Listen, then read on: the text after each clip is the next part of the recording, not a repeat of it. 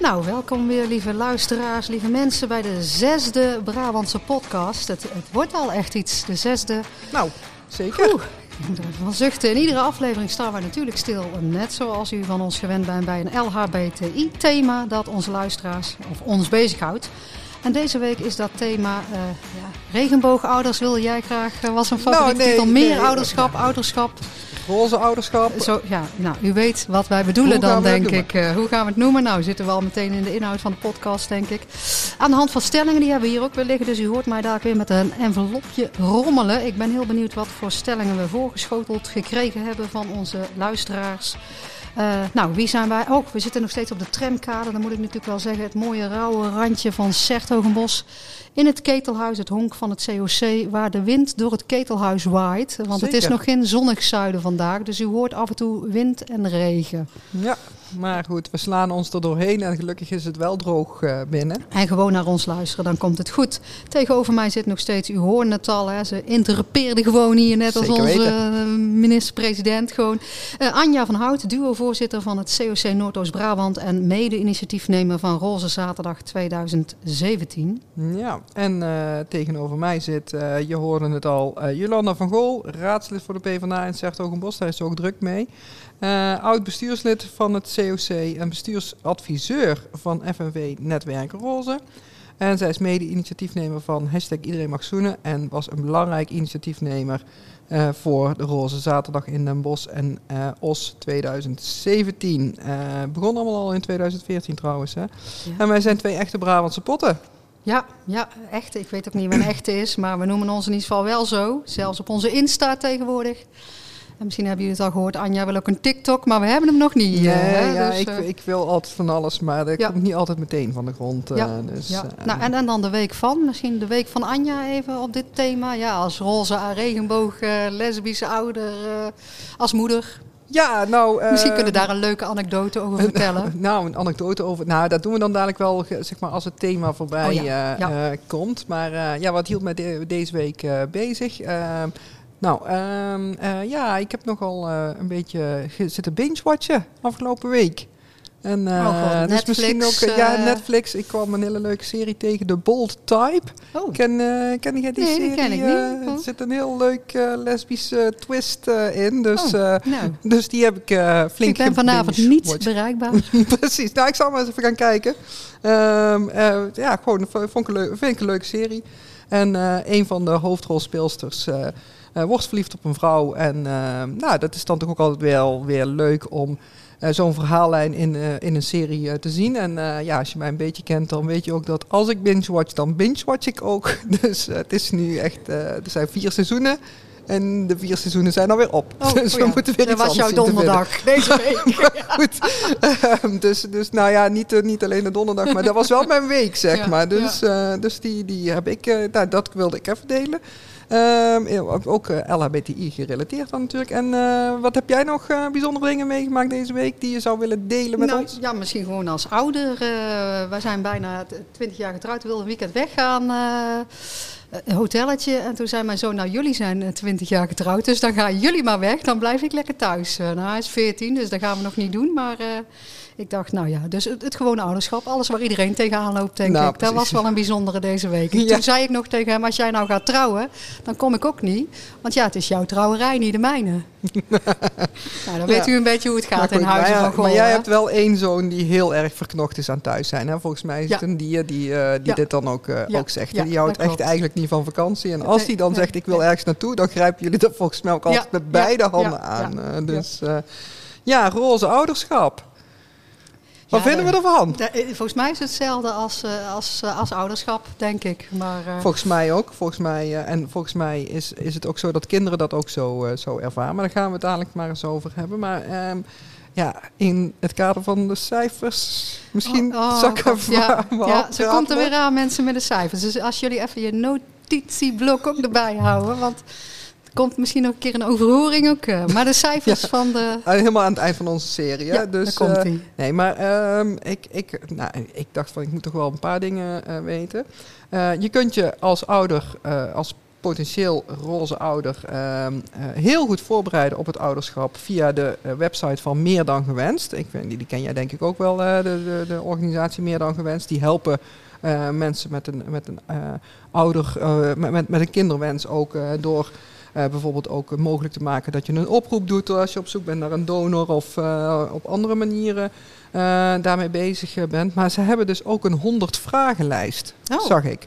Dat is En veel honderd. ja, en dus- antwoorden ook, neem ik nee, aan. want je moet Oh. zelf die antwoorden geven. Want Oh. aan de hand van die 100 vragen kan je dus beoordelen of dat je wel of niet de geschikte ouder eh, eh, Maar die is voor eh, iedereen eh, voorradig, denk ik. eh. ja, nou, Niet ik zou, alleen voor ik, de LHBTIQ. Ik zou eh. hopen dat ook anderen eh, gebruik maken van die lijst. Want eh, ja, goed, eh, kijk, als je, als je eh, wij zijn allebei, eh, eh, eh, ik was onderdeel van, van een lesbisch stel dat eh, een kinderwens had. En jullie zijn een lesbisch stel eh, dat, eh, dat een kinderwens had. En wij kunnen nou eenmaal niet vanzelf zwanger worden. Dus we moeten wel even nadenken over hoe gaan we Ja. dat, eh, dat doen. Het is een Maar ik bewuste zou- keuze, ik inderdaad. Zou, ja. Ik zou inderdaad iedereen adviseren om die 100 vragen even eh, eh, na te lopen.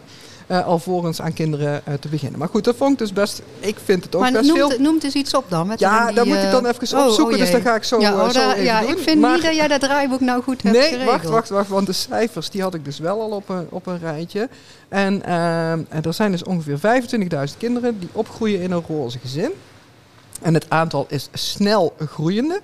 Ehm, en eh 30% van de kinderen, en dat, dat vond ik minder eh, overigens wat ik nu eh, ga, ga aangeven. 30% van de kinderen tussen 8 en 12 jaar oud met roze ouders heeft te maken met vervelende grappen, impertinente vragen, roddels en uitsluiting.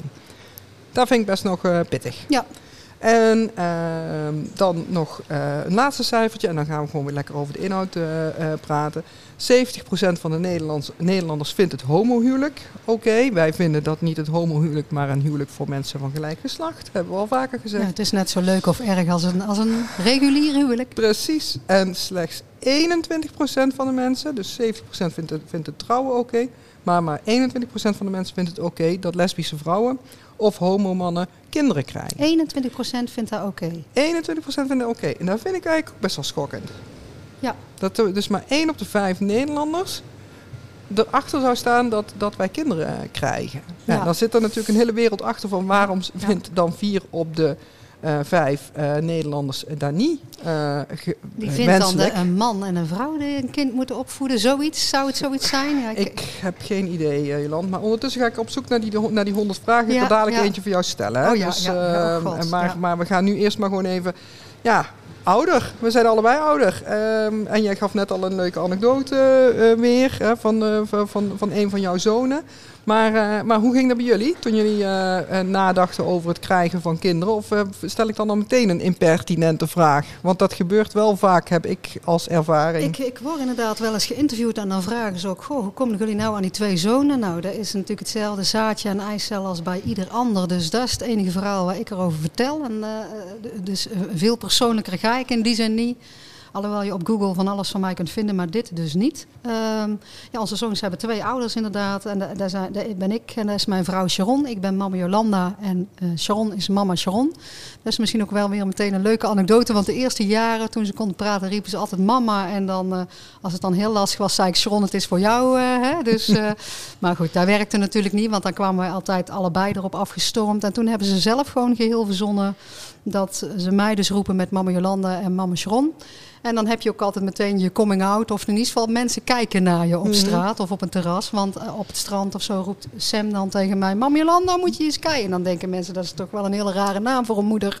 Mama Jolanda. Dus, eh, nou ja, jullie merken al, ik lach erom. En eh, mijn kinderen op zich ook. Dus eh, die, die, die lossen er op die manier op. ja, ja, Dus ja. ik weet niet, ben ik mama Anja of hoe jullie Nee, dat nee doen? bij, eh? bij ons is het gewoon mama. En, en dat, dat is ook wel grappig. En toen ze klein waren, eh, hadden we ook dit, dit soort eh, zaken. En eh, bij ons roepen ze gewoon mama al nagelang. eh eh en dan denken ze dat wij automatisch wel weten welke mama dat ze Ja. nodig hebben. Nou, ik Maar vind, als je dan dus- vind je dat ook wel. Dus dan denk je, oh, ik moet nou reageren. Maar, ja. maar als je dat dus, als je dan, als dus dan de verkeerde reageerde, dan konden onze kinderen altijd heel erg duidelijk zeggen: nee, die andere mama. nee. Dus, Ja.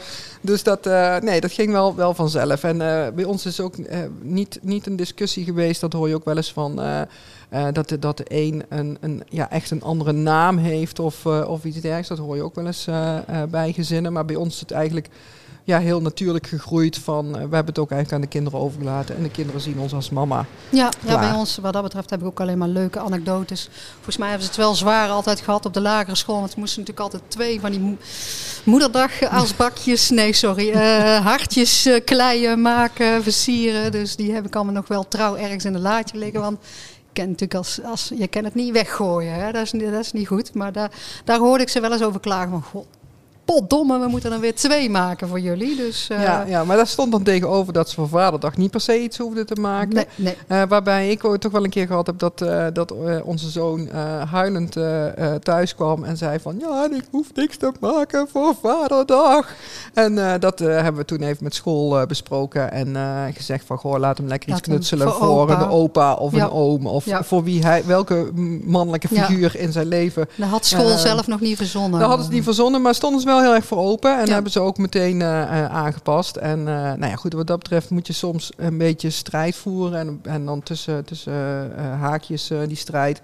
Ehm, eh, ja, het aantal keren dat je een lijstje krijgt met, oh, zeker als je kinderen hebt, hè, met vader en moeder. Ja. Dan wil ik nog niet eens weten hoe dat bij meer oudergezinnen gaat. Dat is misschien een vraag die we voor onze gast kunnen stellen. Want die is vader in een meerouder eh gezin. Één hè, van de dus, vaders, ja. van de vaders. En eh, nou, die eh, maakt zich daar ook echt hard voor, eh, ook publiekelijk. Dus we zijn heel blij eh, dat, dat, dat hij straks inmeldt. Ehm, maar ja, goed, hoe doe je dat als je eh, als een kind eh, vier ouders heeft? Want eh, dat, dat staat niet op de formuliertjes die je van school meekrijgt. Bij ons stond er altijd keurig netjes vader en moeder. Tot we daarover iets zeiden. En toen was het in één keer ouder 1 en ouder 2. Ja. Want dat kan Ja. dus ook. Maar er je ouder ook- 3 en ouder 4 bij Die komen. kun je dus ja. ook nog. Maar goed, dan kan die 21% er helemaal niet meer mee leven waarschijnlijk. Dus, Nee, want die vinden daar dan van alles van. Terwijl het voor, voor heel veel van die mensen natuurlijk eigenlijk totaal geen relevantie heeft. Eh, hè, dus dus wat, wat maakt het eh, een ander stel uit? Of, ehm, eh, of een meeroudergezin, of twee vrouwen of twee mannen, samen een kind willen grootbrengen. Ehm, waarom zouden ze daar iets van moeten vinden? Nou ja, dat kind leeft dan in de maatschappij of wordt in ieder geval vanaf 18 jaar door jou losgelaten. En ze zullen denken dat hij dan niet goed is opgevoed, eh, zeg ik heel ongenuanceerd. Maar daar zal het iets mee te maken hebben, denk ik. eh. Ja, maar ehm, eh, ja, nou, ik, ik, ik waag dat toch te betwijfelen. Ik Ja. denk namelijk zelf dat het vooral belangrijk is of een kind liefde krijgt en, en, en een stabiele eh, achtergrond. En dan stabiel in de zin van, eh het kan ook bij lesbische stellen voorkomen dat ze gaan scheiden. Kan ik je proefondervindelijk Oh, eh, ja. bevestigen. Ik hoor weer een Dus- podcast thema aankomen, maar die is misschien Nou, heel persoonlijk. Nee, nee, nee, nee, nee, maar, maar, eh, maar in de, de, zin de van... lesbische scheiding. Ja. Nou, liever niet eh, voor mij als onderwerp. Maar goed, als jij dat per se wil, dan kunnen we het daar ook een keertje over hebben. Maar nee, wat ik bedoel te zeggen is van, van zelfs ook, ook gescheiden stellen kunnen natuurlijk nog wel een stabiele ouderrelatie bieden. Ehm, en, en dat is volgens mij het belangrijkste. Het lijkt mij veel belangrijker dat, dat een kind eh, eh, liefde krijgt en, en, eh, en in, dus inderdaad in zo'n stabiele omgeving wordt, wordt opgevoed.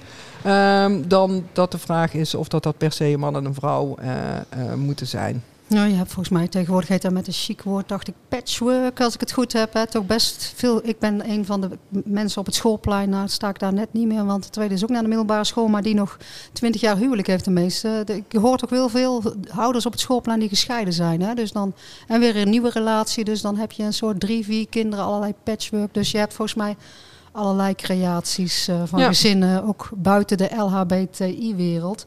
Wat ik zelf vaak wel als opmerking krijg als ik vertel, oh ja, onze kinderen hebben twee moeders. Oh ja, maar er zijn ook allerlei gescheiden ouders. En dan denk ik, ja, maar dat vind ik een rare vergelijking.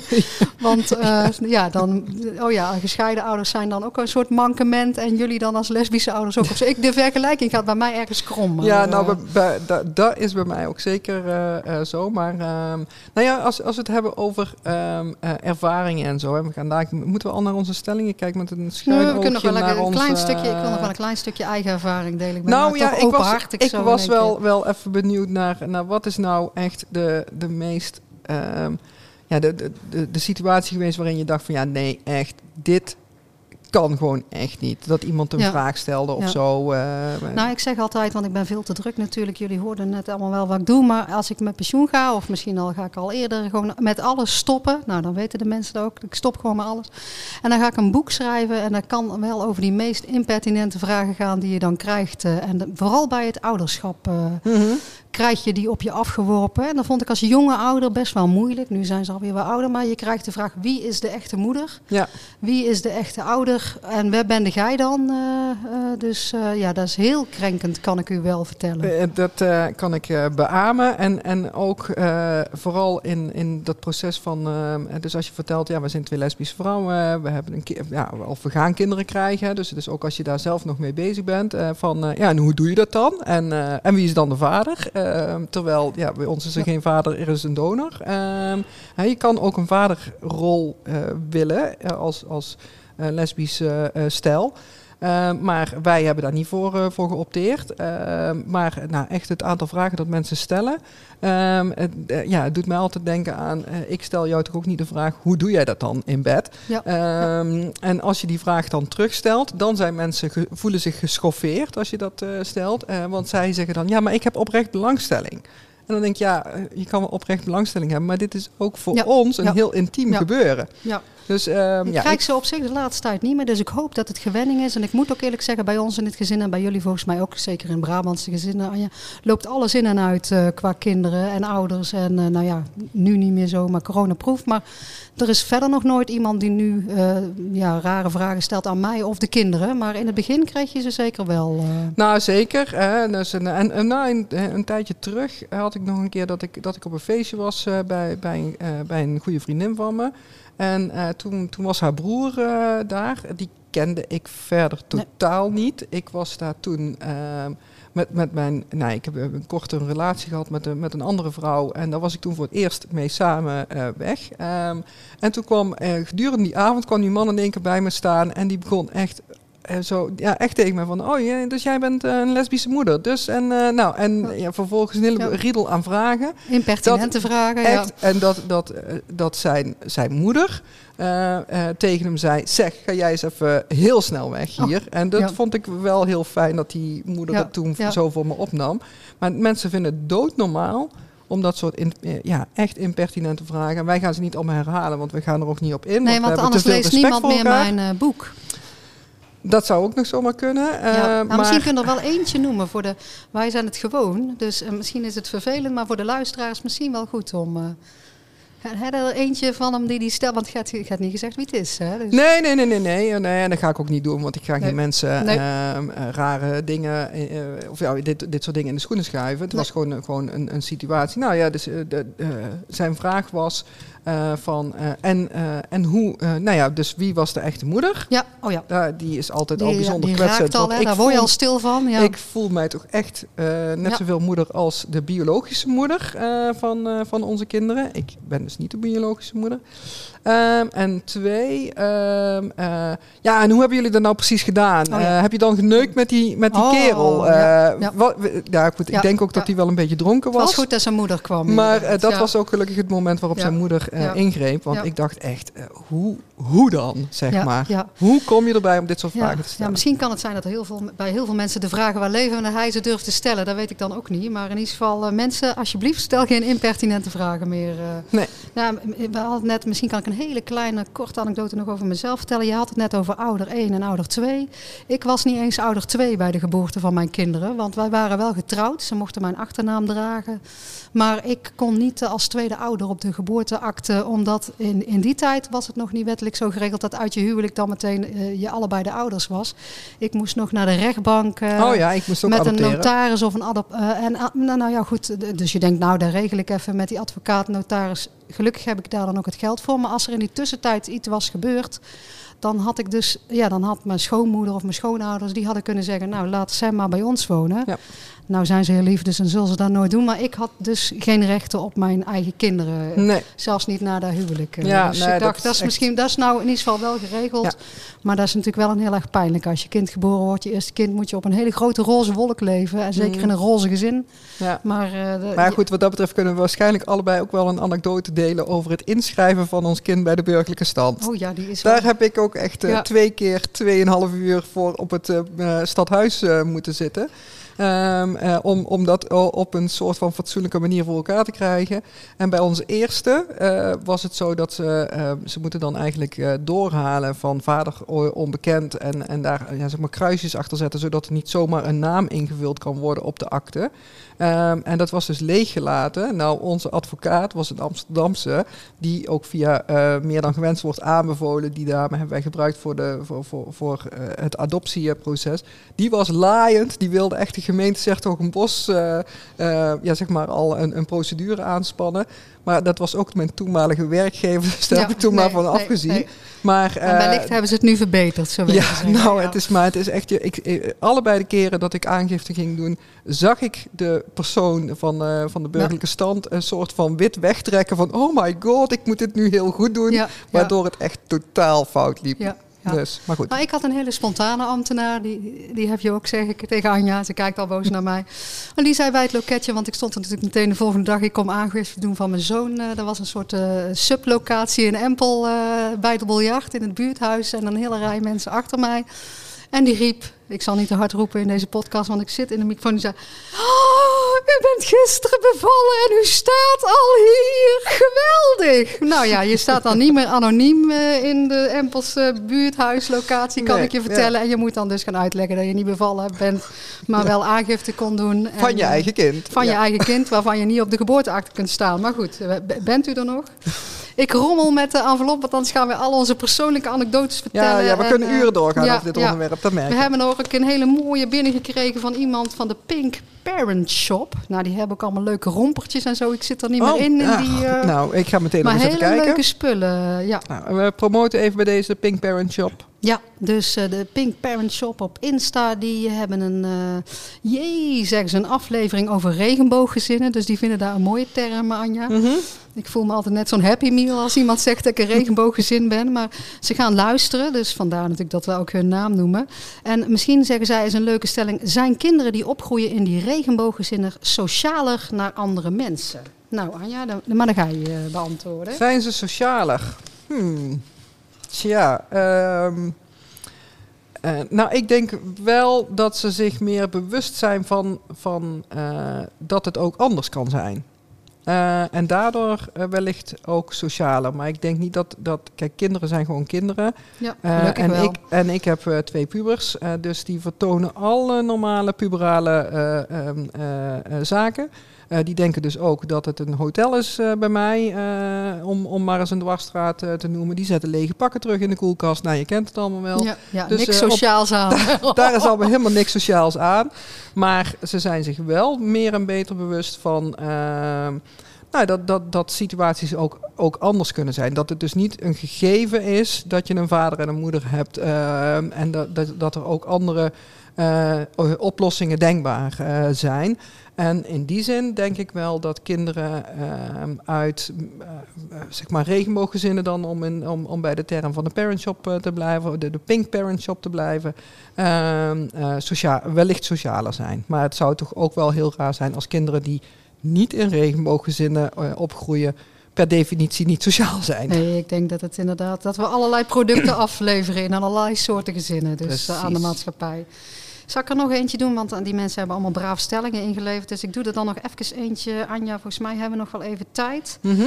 Mensen mogen kiezen of hun kind wordt geadopteerd door een homokoppel. Of dat wel of niet een goede zaak is. Dus mogen ze zeggen, nou nee, mijn kind niet door die twee mannen geadopteerd. Oh.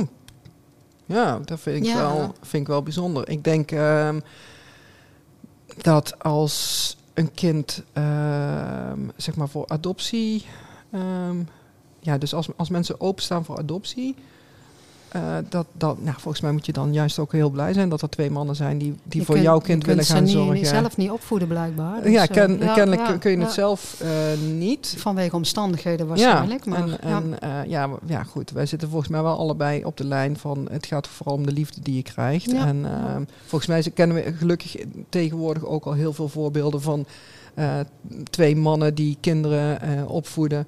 Ehm, en eh, wa- waar, waar dat, dat met heel veel liefde gaat. Ja, en, ja. en nou, nogmaals, dat lijkt mij toch het belangrijkste Ja. uiteindelijk. Ik heb me er niet helemaal in verdiept, maar volgens mij kun je als gay koppel, eh, ja, los van de leeftijdsgrenzen en dergelijke, kun je maar uit weinig landen ook adopteren, denk ik. Dus er, er, er blijkt wel een soort selectiecriterium te zijn. Ik dacht Amerika dat het wel kan, maar, maar goed, ik zit er niet helemaal in, in die materie. Maar dat er heel veel landen zijn waar, eh, waar het dus blijkbaar eh, Ja. niet kan bij, als gay koppel. Ik zal eens kijken of eh, meer dan gewenst daar iets over te melden heeft. Eh, ga ik Oh ja, ondertussen meteen ja, even ik kreeg doen, nog hè? die vraag ook trouwens van jou, hè? Die, die kwam toch nog ergens? Oh ja, ja, ja, ja, nou god, we zitten nou in de stelling. Hè. Eh, juridische brochures over de verschillende ouderschapsvormen. Oh, Poe, poe, poe.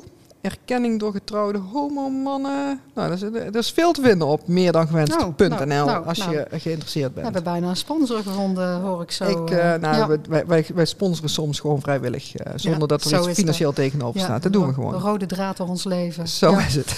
Ja, hey, en ik heb er nog eentje. Ik denk dat we nog wel even tijd hebben. En ik vind het ook leuk omdat mensen ze hebben ingediend.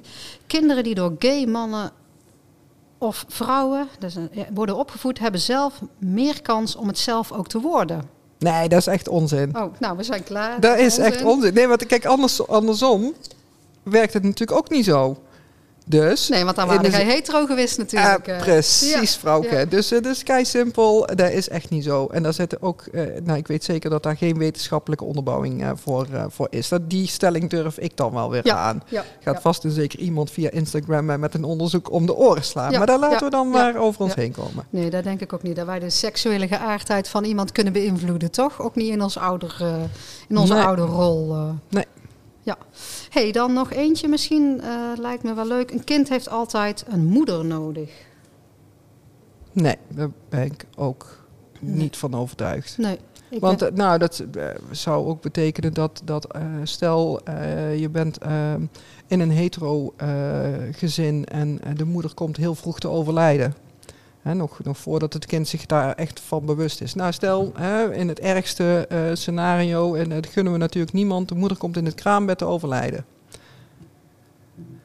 Hè, dan, eh, we krijgen even een seintje van onze eh ja, techneut. er is al iemand die jou toch met een iets, iets om de oren slaat. Oh, Eh, ik word al om de ja. oren geslagen nog Ja. voordat de, podcast gereleased is. Nou, daar gaan Ja. we dan daar nog even op, op Ja, in. ja. Maar eh, dus stel in het ergste eh, scenario... eh, een, vrouw in een, in een hetero eh, gezin komt te overlijden in het kraambed. Dus de vader gaat het kind alleen opvoeden. Ja. Volgens mij eh, ehm, gaat dat totaal niet op. Dus, dus Nee. je hebt niet per se een moeder nodig. Nee, het is wel nee. keihandig als je twee moeders Misschien hebt. wel vrouwelijke eigenschappen, mannelijke eigenschappen. Dat je aan opa vraagt hoe gaat het met het scheerapparaat als je baardgroei hebt. Ik wil, ik wil, het, zich ik wil het allemaal mijn op. zoon ook wel uitleggen, maar dan gaat het natuurlijk wel heel erg mis met zijn kinneken, denk ik. Nou, Dus, eh, uiteindelijk lossen dat soort dingen zich op. Dat zijn praktische daarom zaken praktische die zich oplossen. Maar Dus, goed, eh, ik hoor dus dat er wel nou een ja, dat, onderzoek ja, is. dat komt dan dadelijk nog wel zeker in de wrap-up, eh, want er is een groot onderzoek naar gedaan. Dus, maar we- gaan bellen natuurlijk, geloof ik. dus ik denk dat dat goed is om te gaan doen. Naar, eh, naar iemand uit een regenbooggezin. Ik weet niet of hij daar op prijs staat als we dat zo zeggen, maar we gaan even Dan gaan bellen. we vragen. Ja. Hey, hoi Rick Paul. Eh, leuk dat je mee wil doen aan onze Brabantse podcast eh, vandaag.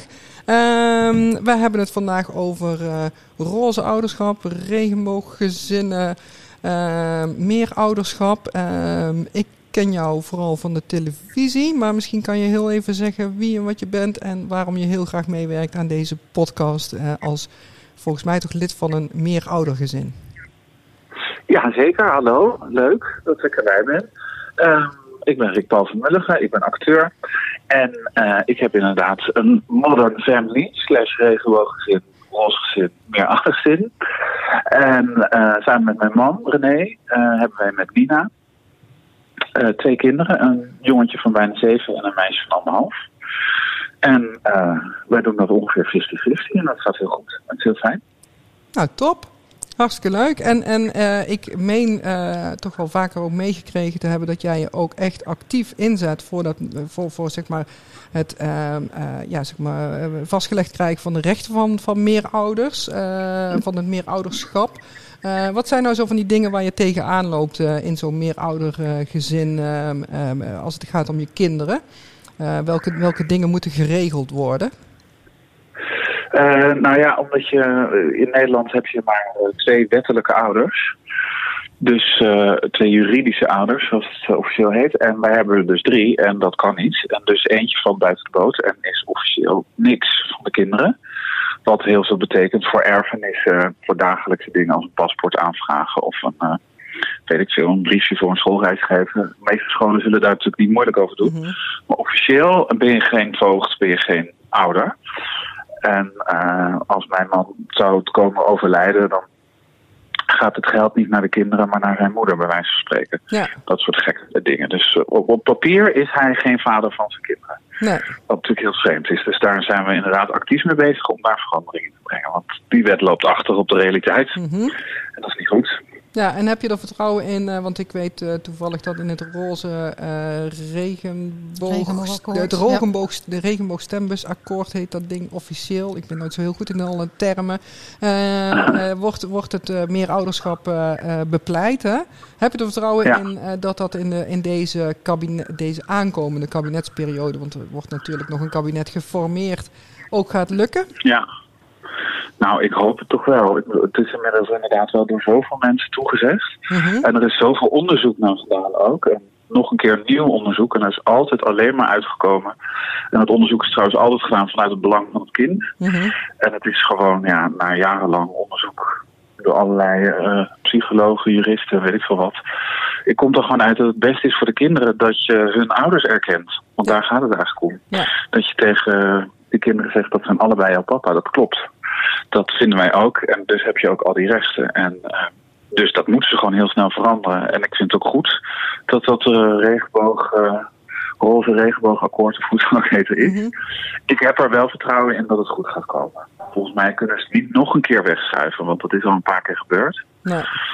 En uh, nou ja, dan gaan we weer de barricade op. Nou, precies, ja, wij, wij, gaan met je mee hoor, ja. Rick Paul. Want wij vinden dat ook uh, heel erg belangrijk. En uh, nou ja, goed, het is ook, ook soms ja, wel, wel een beetje pijnlijk. Ehm, hoe, hoe mensen zich ook zeg maar, een mening aan, uh, aanmatigen. Hè? Dus, dus wij hadden in, in, in de aanloop van, naar het telefoontje met jou hebben we het ook onder andere gehad over ja, impertinente vragen die, die wel eens gesteld worden.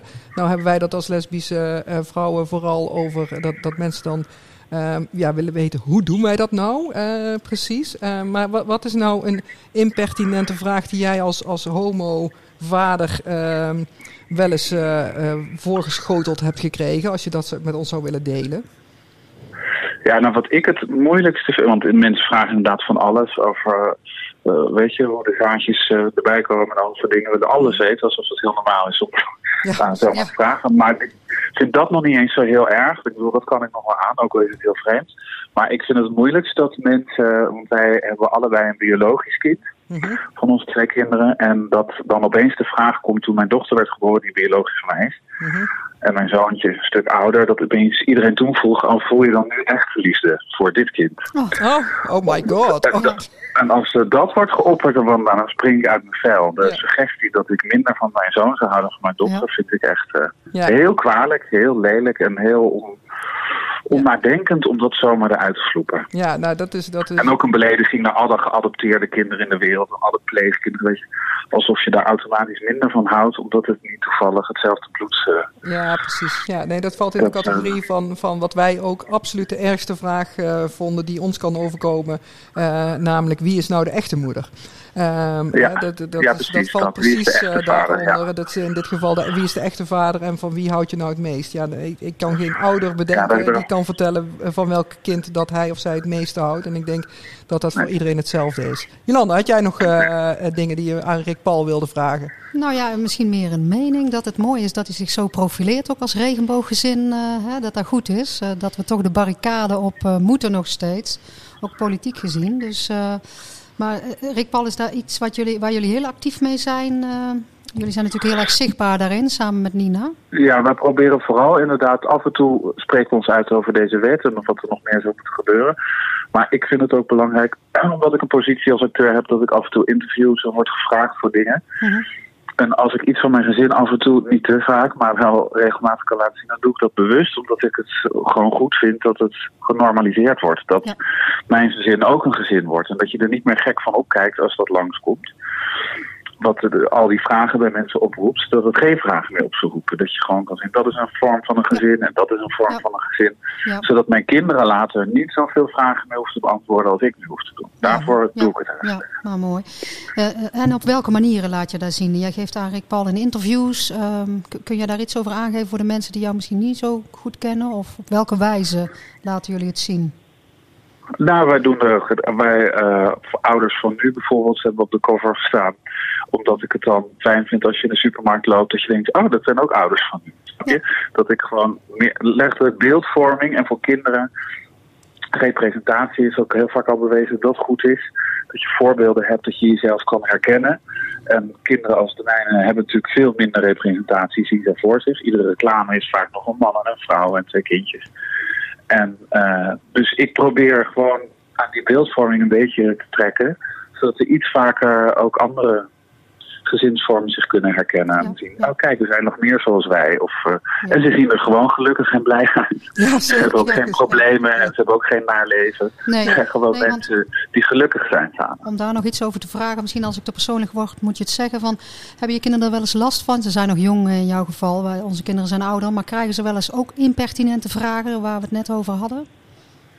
Nee, eigenlijk niet. Want Ko, mijn oudste, die is nu bijna zeven. Dus ja, dat is allemaal nog heel onschuldig Ja. op school. Ja, En het is meer juist dat ze, heel veel kinderen juist jaloers zijn dat hij twee papa's heeft. Ja, Dat hij zelf ook wel trots is dat hij met de ene hutten kan bouwen... terwijl de ander eh, ver met hem gaat fietsen, bij wijze van spreken. Ja. En die andere kinderen die hebben maar een vader met één talent. ja, ja, Hij vindt het zelf alleen maar een voordeel. En voor hem is het natuurlijk het normaal. Ja. Dus hij vindt het eh, gegeven van een vader en een moeder in een huis een heel raar idee. Dus Ja. voor hem is dat helemaal niet normaal of Nee, standaard. precies. dat kent Ja, hij helemaal ja, niet. ja, ja, ja, Ja. nee, ook, ook herkenbaar. eh, zo, zo zijn er. Volgens mij hebben we allemaal eh, wel, wel mooie verhalen eh, daar, daarover ook. Hè, van van hoe, hoe je eigen kinderen daar ook weer op een andere manier tegenaan kijken. Omdat het voor hen gewoon heel normaal is. En eh, Ja. nou, ik, ik hoop ook echt, eh, dat, dat gun ik jouw kinderen ook, dat, dat ze ehm, eh, het ook, eh, als ze straks op de middelbare school eh, zitten, eh, gewoon met, met voldoende zelfvertrouwen de, de wereld tegemoet kunnen treden. Hè? Want dat hoor je ook wel eens eh, bij, bij, bij kinderen, eh, juist op die leeftijd, dat, dat ze het dan wat moeilijker vinden om daar vooruit te komen. Op de lagere school is het vaak van. ehm, eh, nou ja, het gaat gewoon zoals het gaat, want ze zijn helemaal niet mee bezig. Maar op het moment dat ze, dat ze hun eigen seksualiteit en dat soort dingen wat meer ontdekken, dat het, dat het soms wel wat meer een issue eh, eh, wordt. Ja. Ehm, dus nou ja, ik, ik hoop dat we tegen die tijd in ieder geval zover zijn dat, dat het meer ouderschap ehm, eh, gewoon eh, ook in de wet eh, vast, eh, vastgelegd is. Hè. Daar hebben we dan nog een jaar of vier voor, eh, want je zei dat je zo'n zeven, zeven is. Dus dat het tegen die tijd gewoon echt goed geregeld is allemaal. Ja, precies. En dat ze inderdaad trots zijn op waar ze vandaan komen. Precies, Dat ze gewoon kunnen voelen, ik heb het goed thuis, dus waarom zou ik me schamen? Ja. Dat, dat, eh, ja. zo is het. Nou, Lie- top. liefde is het belangrijkste, denk ik, in gezinnen. Of het nou regenbooggezinnen zijn of niet. Hè? Liefde. Absoluut. Een warm nest waar veel liefde is, is volgens mij bijna het enige wat telt. Nou, niet het enige, maar wel de basisvoorwaarden voor een gelukkig gezin, denk ik. Ja. Absoluut. Nou, ehm, eh, volgens mij eh, zitten we mooi qua tijd eh, op, op Ja. dit moment. Ik kijk ook even naar onze technische man. We moeten het gaan eh, eh, afronden. Rick Paul, ik wil je heel erg bedanken voor, eh, voor je bijdrage. Laten we hopen dat ook via de Brabantse podcast nog weer een klein beetje een bijdrage geleverd kan worden aan eh, nou ja, de strijd die je strijdt, om het zo maar te zeggen. Dus, dus het, het, het werken voor het meer ouderschap. Eh, wat we al zeiden, onze steun heb je. En als er eh, op de barricades geklommen moet worden, dan heb je twee strijdlustige Brabantse potten aan je zijde. Dan doen we graag, graag mee. Maar laten we hopen dat het niet nodig is dat Ja. we die barricades opgaan. En dat het gewoon heel vlotjes een, tot, tot wet verheven wordt, dit verhaal.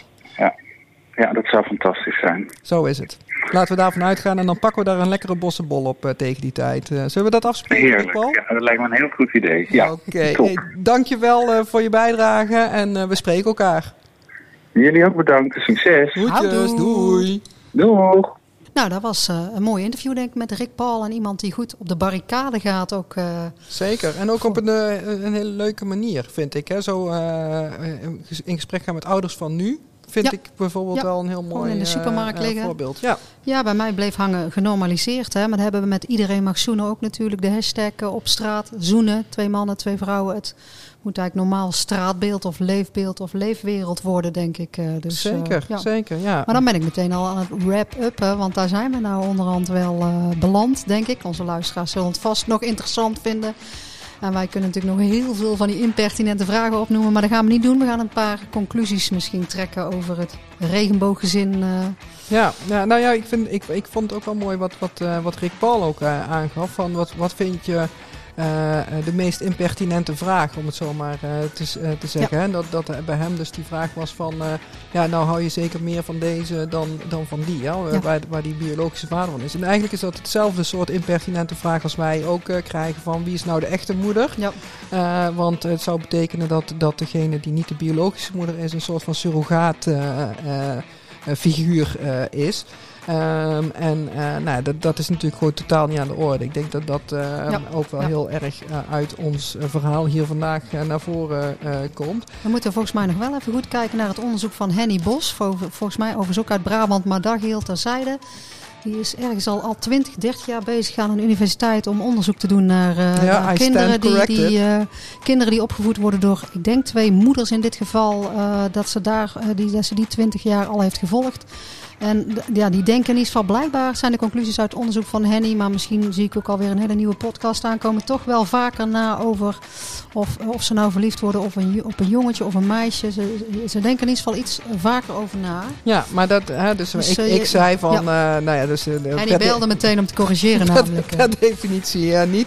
Nou ja, zover waren we no- nog niet helemaal. Maar, maar Henny, eh, die dus aan de Universiteit van, eh, van Amsterdam eh, werkt en inderdaad al jarenlang op dit eh, vlak eh, onderzoek eh, eh, doet, eh, heeft dus wel vastgesteld dat kinderen met twee moeders of twee vaders. eh, A, even gelukkig zijn als kinderen in hetero gezinnen. Dat vind ik eigenlijk de belangrijkste. Ja, conclusie. Jullie zijn gelukkig, dus ophouden met mouwen. Precies. Ehm, maar twee, ehm, ook dat, dat die ehm, eh, kinderen dus vaker nadenken over de vraag of dat ze op eh, jongens of op meisjes eh, vallen. En dat vind ik eigenlijk wel positief. Dat, je, dat er ruimte is om daarover na te denken. Want eh, kennelijk is het dan dus zo dat die ruimte er ook, ook daadwerkelijk is om daarover na te denken. Ehm, en en eh, nou ja, voelt, voelt dat kind dan meer keuzevrijheid, om het zo maar te zeggen.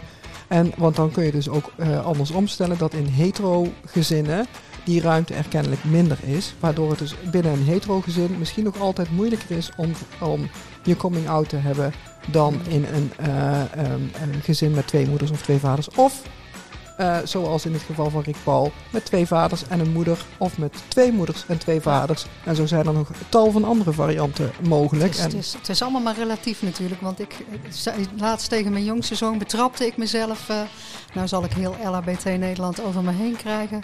Zei ik tegen de jongste, goh, ben je al verliefd op een meisje? Toen dacht ik, oh, dat kan natuurlijk niet. Nee. En toen verbeterde ik mezelf na een halve minuut of een jongetje. Eh, dus eh, ook daar zit ik natuurlijk weer in het, in het binaire hokje. Dus eh, nou ja, goed. nee, maar dat, Wij zijn ook maar mens. Ja, precies. Maar dat geeft ook aan vanuit welke achtergrond wij komen.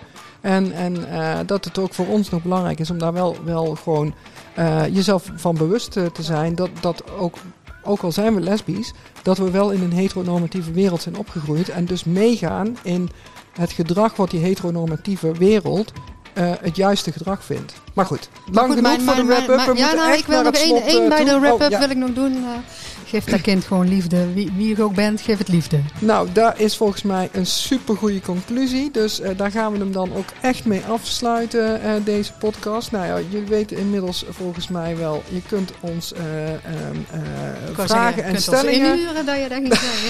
Ja, ja. Dat denk ik ook. Misschien is het wel een commercieel concept. Maar, Ja. maar wat het belangrijkste is, ehm, eh, we hopen dat je het leuk vond om naar ons te luisteren. Als dat het geval is, laat, laat het dan blijken.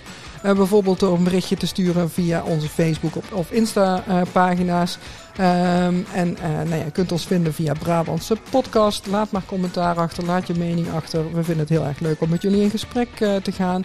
Wij gaan eh, nadenken over nieuwe onderwerpen voor onze eh vervolgpodcast. Eh, mocht je een suggestie hebben, houden we ons voor aanbevolen. Ja, ja. Maar ik voor had er al ons- één binnen ouderen, roze ouderen. Maar goed, Roze ouder. dan je hebt verraad één ik er al eentje, Nou, Oké, dus, maar eh, ja. goed, we gaan er eens over nadenken. Maar voor ons, voor, Voor nu, Houdoe en bedankt. Olé olé.